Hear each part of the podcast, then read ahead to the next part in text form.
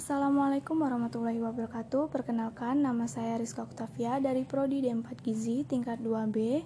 Di sini saya akan menjelaskan mengenai formulir screening dengan malnutrition screening tools atau disebut dengan MST, Specific Global Assessment SGA dan screening lanjut.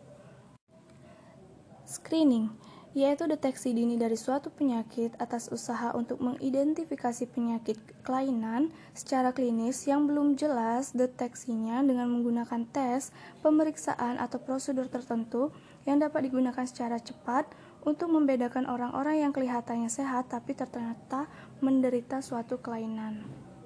Selanjutnya, tujuan dari screening yaitu mendeteksi faktor risiko penyakit kronis dalam rangka mendorong peserta untuk sadari dini, deteksi dini, dan mencegah risiko secara dini terhadap penyakit kronis. Selanjutnya, syarat screening yang pertama, penyakit yang ditinjau harus merupakan masalah kesehatan. Yang kedua, tersedianya obat yang berpotensial dan memungkinkan pengobatan bagi mereka yang dinyatakan menderita penyakit. Yang ketiga, tersedianya fasilitas dan biaya untuk diagnosa pasti bagi mereka yang dinyatakan positif. Yang keempat, tes penyaringan terutama ditunjukkan pada penyakit yang masa latennya cukup lama. Yang kelima, tes penyaringan hanya dilakukan bila memahami syarat untuk tingkat sensitivitas dan spesifitasnya.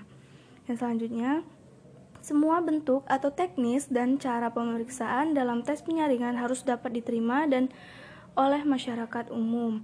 Selanjutnya, sifat perjalanan penyakit yang akan dilakukan tes harus diketahui dengan pasti. Selanjutnya, adanya suatu nilai standar yang telah disepakati bersama tentang mereka yang dinyatakan menderita.